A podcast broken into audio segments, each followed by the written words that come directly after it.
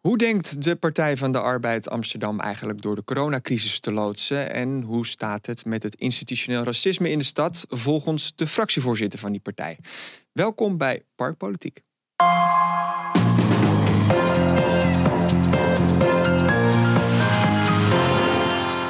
Ja, en die fractievoorzitter, dat is Soufia Mabarki. Van harte welkom. Dankjewel. Uh, de coronacrisis. Het gaat de goede kant op qua gezondheid. Maar ja, des te meer zie je nu ook de economische gevolgen van de crisis.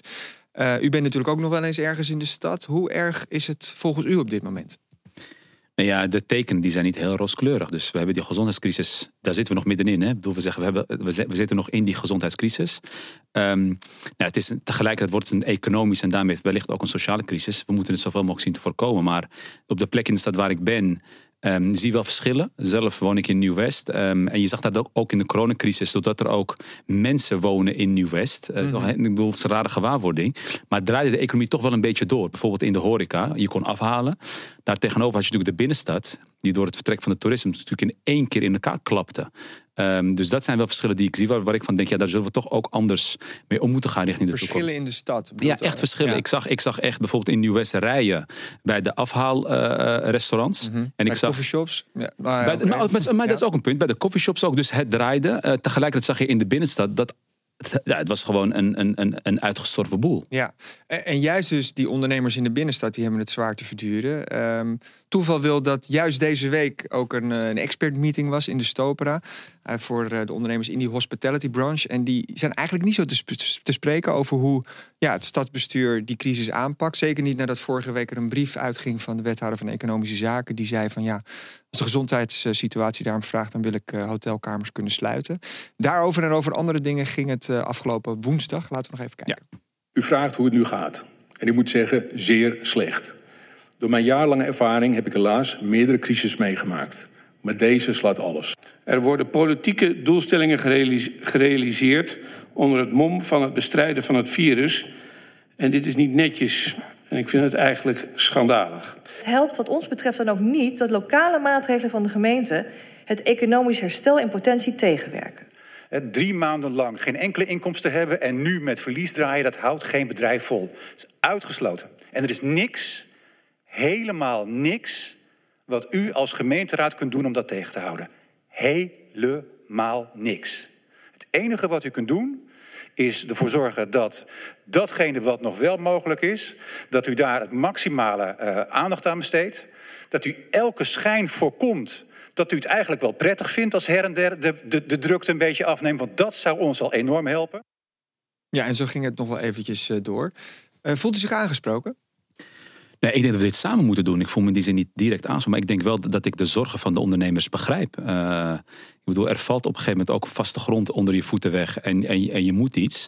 Um, dus dus ik, begrijp, ik begrijp die zorgen. We moeten alleen niet vergeten dat we natuurlijk niet alleen maar ondernemers hebben die pijn hebben in de stad. De, de, de pijn die is breder in de stad verspreid. Ja. Er zitten natuurlijk ook groepen bij die minder goed georganiseerd zijn en minder goed de weg vinden naar de stopera. Uh, denk bijvoorbeeld aan mensen die in, in de informele sector werkten, mensen die een schoonmaakbaantje hadden, mensen die een flexbaantje hadden. Het zijn niet altijd de ZZP'ers uh, uh, die de internetafdeling ondersteunen van een groot bedrijf. Het zijn soms ook gewoon echt mensen die een heel simpel baantje hebben waar ze hun kost mee verdienen. Maar juist die mensen, ik bedoel, de hospitality branche is goed voor 70.000 banen in de stad. Die vinden employ bij deze bedrijven. Ja, maar daarom zeg ik ook. Dus die komen ook op voor die mensen. Maar daarom zeg ik ook, het is ook belangrijk dat we de ondernemers uh, daar waar het kan ja. zo goed mogelijk ondersteunen. Maar er zitten meer groepen in die samenleving die om hulp vragen. En, om, en, en, en het maximale wat we kunnen doen, zullen we natuurlijk ook zodanig moeten verspreiden over al die andere groepen die natuurlijk ook nog Maar die zijn. ondernemers hebben dus totaal niet het gevoel dat zij ook gesteund worden op die wijze.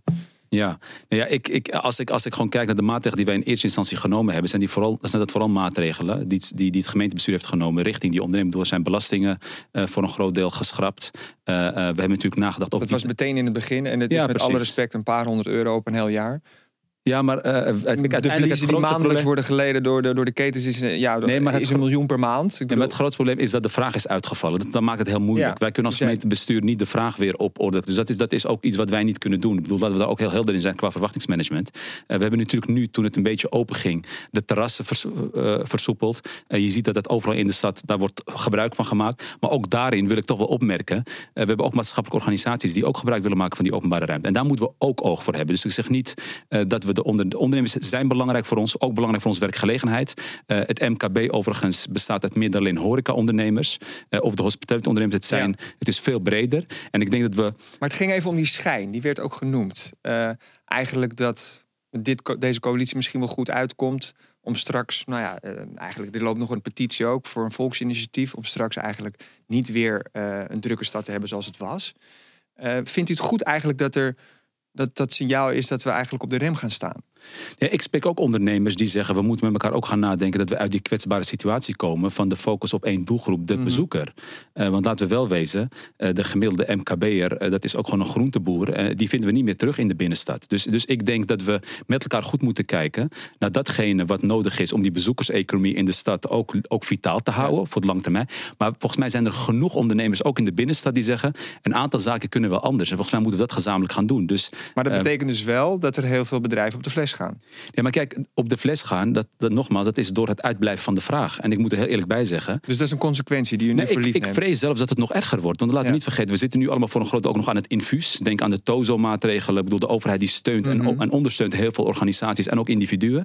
Maar dat zal natuurlijk ook eindig zijn. Ik kijk uh, uh, ook een beetje met veel angst, ook naar, de, naar het derde, vierde kwartaal, dat het echt door het uitblijven van de vraag ook echt heel moeilijk wordt. Dus we zullen ook in maar dan nog blijven, als je dan zo'n brief eruit doet als vorige week, dan maak je het alleen maar erger. Terwijl de binnenstad en die ondernemers, ze, ze hebben het zelf. Het staat nu in brand. Ik, ik, heb die brief niet geschreven, dus ik denk dat het wel nee, belangrijk maar je is. bent om... wel een, een, belangrijke coalitiepartij. Dus ja. ja, nee, ik zou zeggen, ik heb die brief vooral, vooral gelezen als uh, laten we met elkaar vooral goed bedenken dat we dit stapsgewijs moeten doen en dat we niet een terugval krijgen waardoor we helemaal bij, terug bij af zijn. Zo heeft de wethouder het ook uitgelegd. Als je het mij vraagt, zou ik zeggen, uh, hotels hebben volgens mij keihard nodig in deze stad en volgens mij dragen die ook bij aan werkgelegenheid. Daarentegen het vakantieverhuur, Airbnb, ja, dat kan wat mij betreft echt wel de stad uit. Ik bedoel, daar ben ik ook heel helder in. Dat is woning ontrekking. We hebben een tekort aan woningen. Het leveren niet direct volwaardige banen op. Daartegen, daar, daar tegenover de hotels, ja, die dragen echt wel bij aan de werkgelegenheid in de, in de stad. Dus dat is de keuze die ik als Partij van de Arbeid zou maken. Heb ik ook al eerder gezegd. We ja. beginnen nu ook met het verbod in die drie wijken. Ja, daarvan denk ik, dit is een, wel een momentum om ook goed te kijken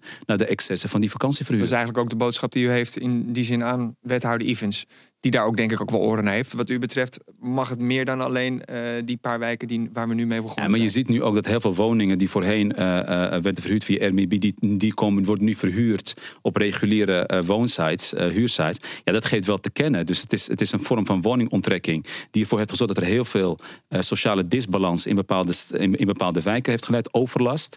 Um, en daarnaast, het is gewoon een vorm van woningonttrekking. We hebben een, een woningmarkt die overkookt is en mensen zijn, te, ze zijn aan het wachten op woningen. Dus ik zou zeggen, laten we die woning gelijk weer ja. gebruiken om jongeren in te huisvesten. Want Den Haag heeft het al helemaal verboden. Die kant moet Amsterdam ook op?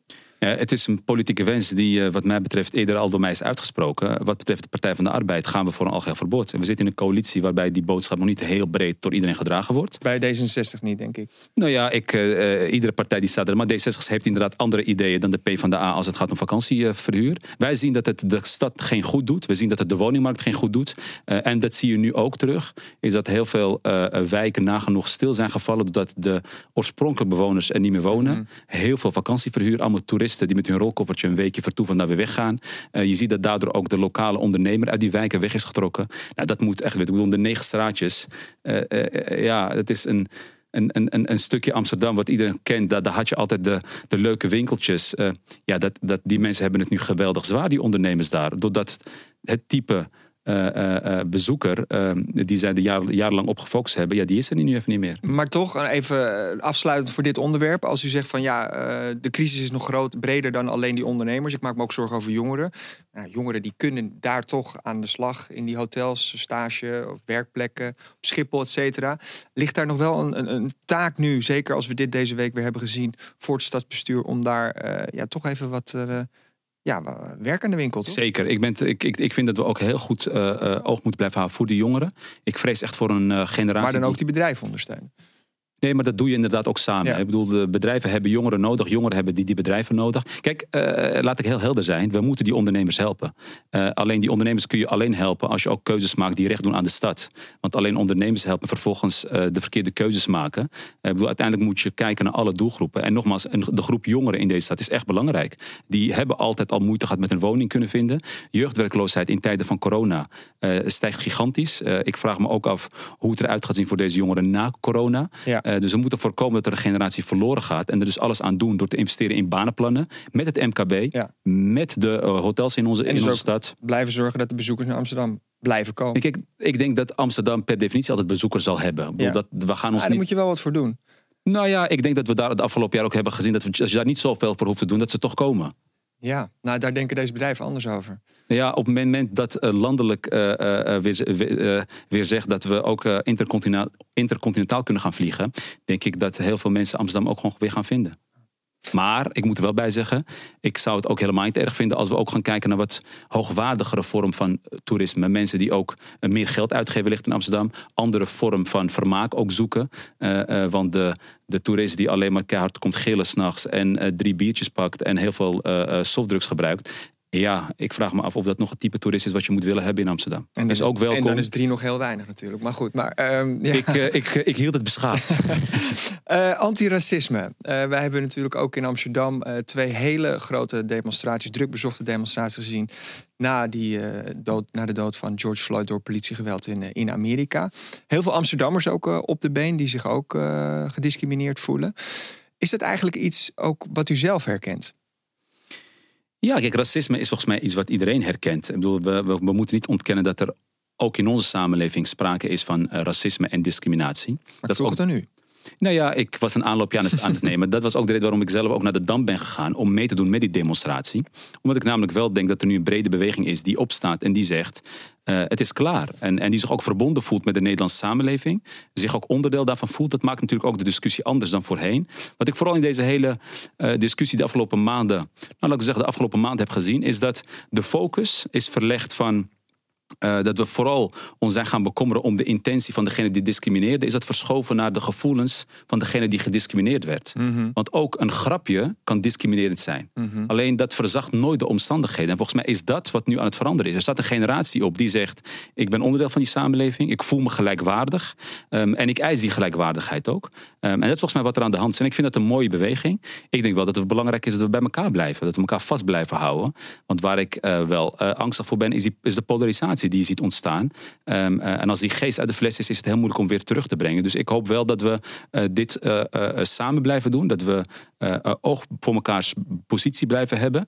Maar het neemt niet weg dat degene die gediscrimineerd wordt, nu ook het moment aangrijpt om te zeggen: Dit is wat ik jarenlang ervaren heb, dit is wat ik jarenlang gevoeld heb. En dit is, ik ben ook uitgesloten. En voor, die, voor, voor het verhaal moet ook ruimte zijn. En, en wat heeft u dan, ja, sorry, wat heeft u dan zelf ervaren? Of wat, wat ervaren mensen in uw omgeving? Om dat nog even wat inzichtelijker te krijgen. Kijk, ik ben zelf natuurlijk eh, eh, geboren getogen in eh, Nieuw-West. Ehm, en ik heb, moet ik heel eerlijk in zijn, ook, ik ben opgegroeid in een ander soort Amsterdam dan vandaag de dag. Hè. Ik heb zelf twee hele jonge kinderen. Die groeien wel op in een rauwere omgeving dan ik. Ik bedoel, toen ik puber was, was Amsterdam een stad ja, die niet zo gepolariseerd was als vandaag de dag. Dus dat zijn wel verschillen. Het wordt allemaal directer. Ehm, ik heb vanuit mijn onderwijsachtergrond ook heel vaak gezien dat ik leerlingen in mijn klas kreeg in het voorgezet onderwijs.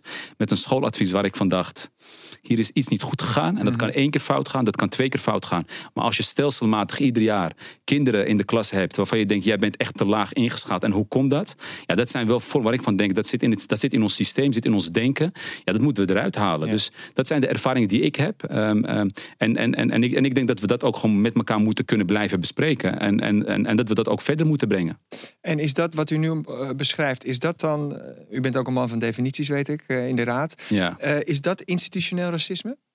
Kijk, een, een vorm van institutioneel racisme zagen we natuurlijk bij de Belastingdienst. Op het moment dat in ons systemen dingen zitten die eh, eh, eh, ertoe leiden dat bepaalde groepen juist eruit gepikt worden of uitgesloten worden. Ja, ik vind dat we daar heel voorzichtig mee moeten. Zeker nog, dat moeten we niet willen. Dus dat vind ik een vorm waarbij het in het systeem zit. Maar vergeet niet dat systemen ook in ons hoofd kan zitten. Vooroordelen. En helemaal als je erover gaat. Bedoel, Een docent in een klas als groep 8, een belangrijke klas.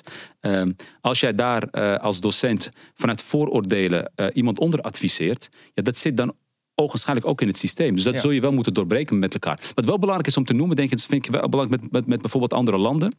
Ik vind dat wij in Nederland, ehm, dat het systeem niet fout is. Uh, daarentegen zie je bijvoorbeeld in, in Amerika heb je bijvoorbeeld de three, eh, three strikes out. Als je drie fouten Mhm. maakt, ben je ook weg. En het gaat ook om hele kleine ver- vergrijpen. Daarom zie je ook dat de gevangenissen vol zitten. Kijk, wij hebben volgens mij een systeem, eh, de rechtsstaat, die zegt, ik het feit dat er bij de Belastingdienst uiteindelijk aan de oppervlakte is, is gekomen, is ook kenmerkend. Ja. Dus er gaan dingen fout, maar uiteindelijk zit er ook een, een, een het mechanisme dan het in. systeem, want u zei eerder had u het over die grapjes en de intentie.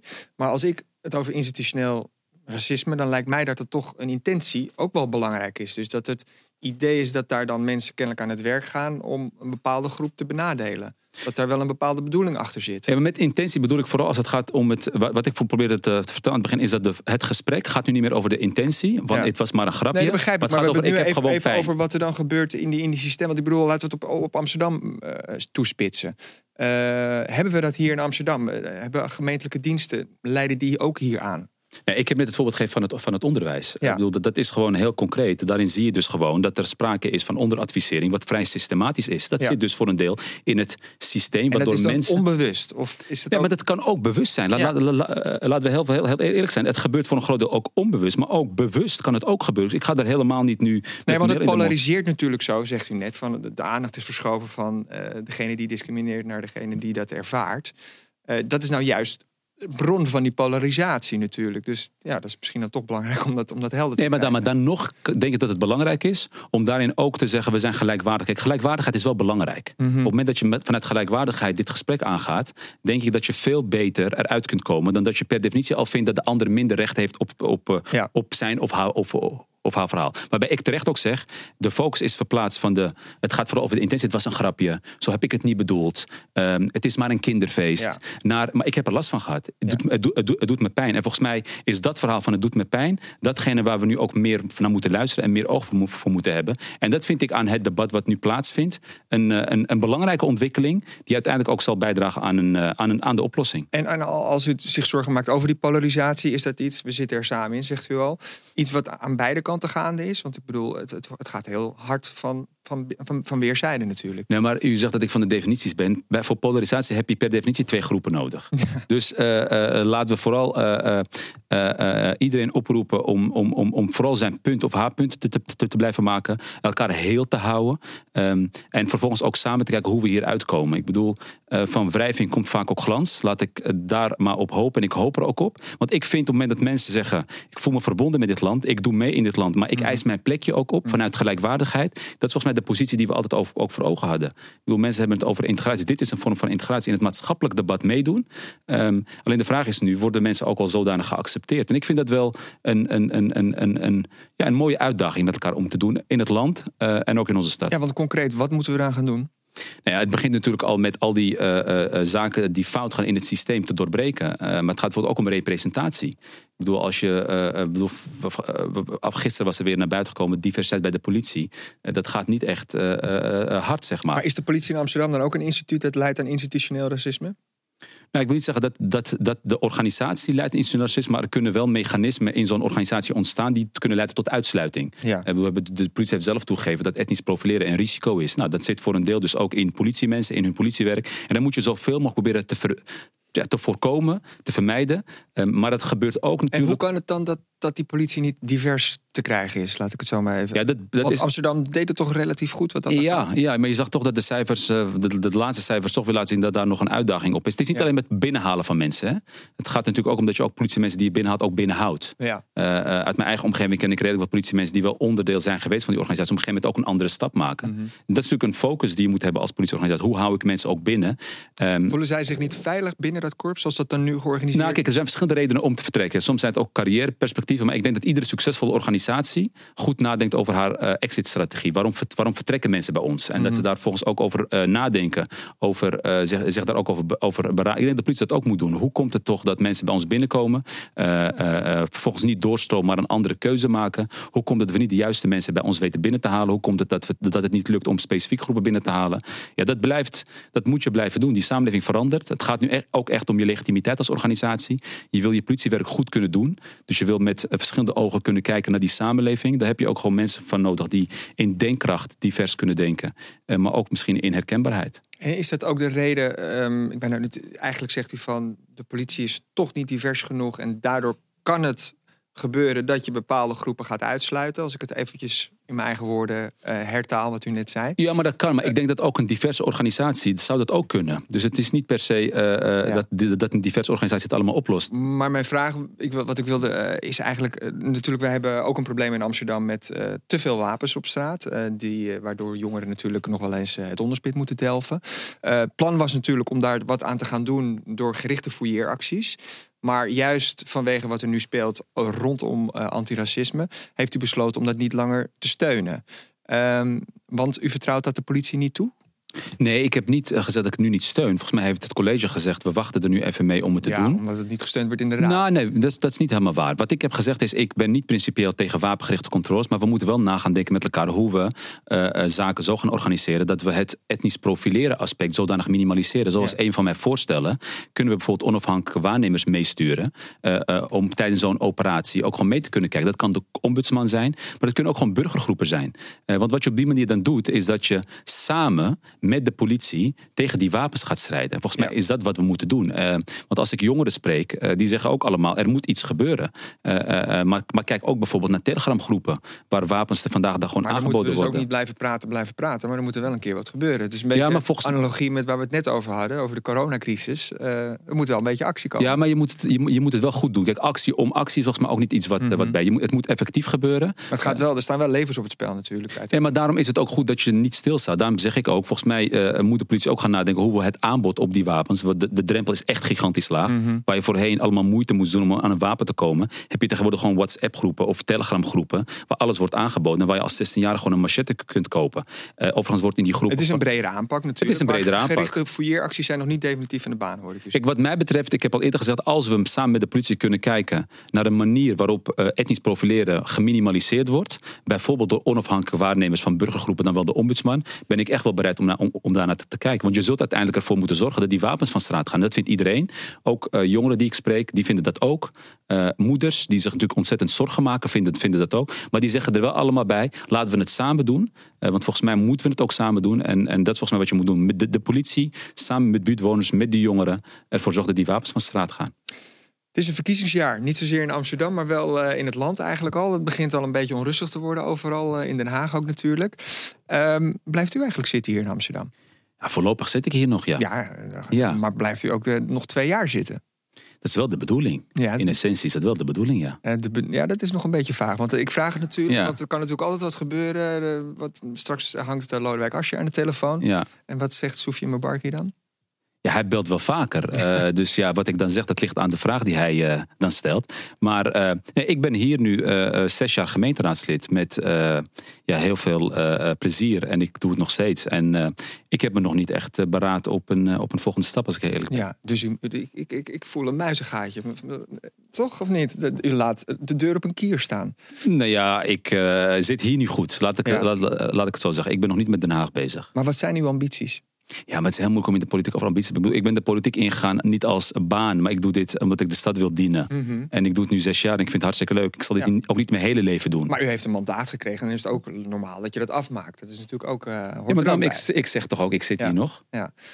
Nou, wie weet, blijft u nog eventjes zitten. Nou ja, wie weet. Nou. U vindt het in ieder geval leuk dat ik hier ben. Uh, ik vind het hartstikke leuk dat u bent. En ik nou, dat is toch mooi. Tegelijkertijd wil ik u gelijk bedanken voor uw komst in de studio. Want uh, we zijn alweer aan het einde van, van de uitzending. Dank, Dank u wel. Dit was uh, Park Politiek met uh, Soufiane Mabarki, de fractievoorzitter van de PvdA. Je hoort het. Uh, hij zit hier nog eventjes, dus we gaan, er nog even, we gaan het er nog even over hebben. Wij zijn er volgende week weer. Graag tot dan en voor nu een heel fijn weekend.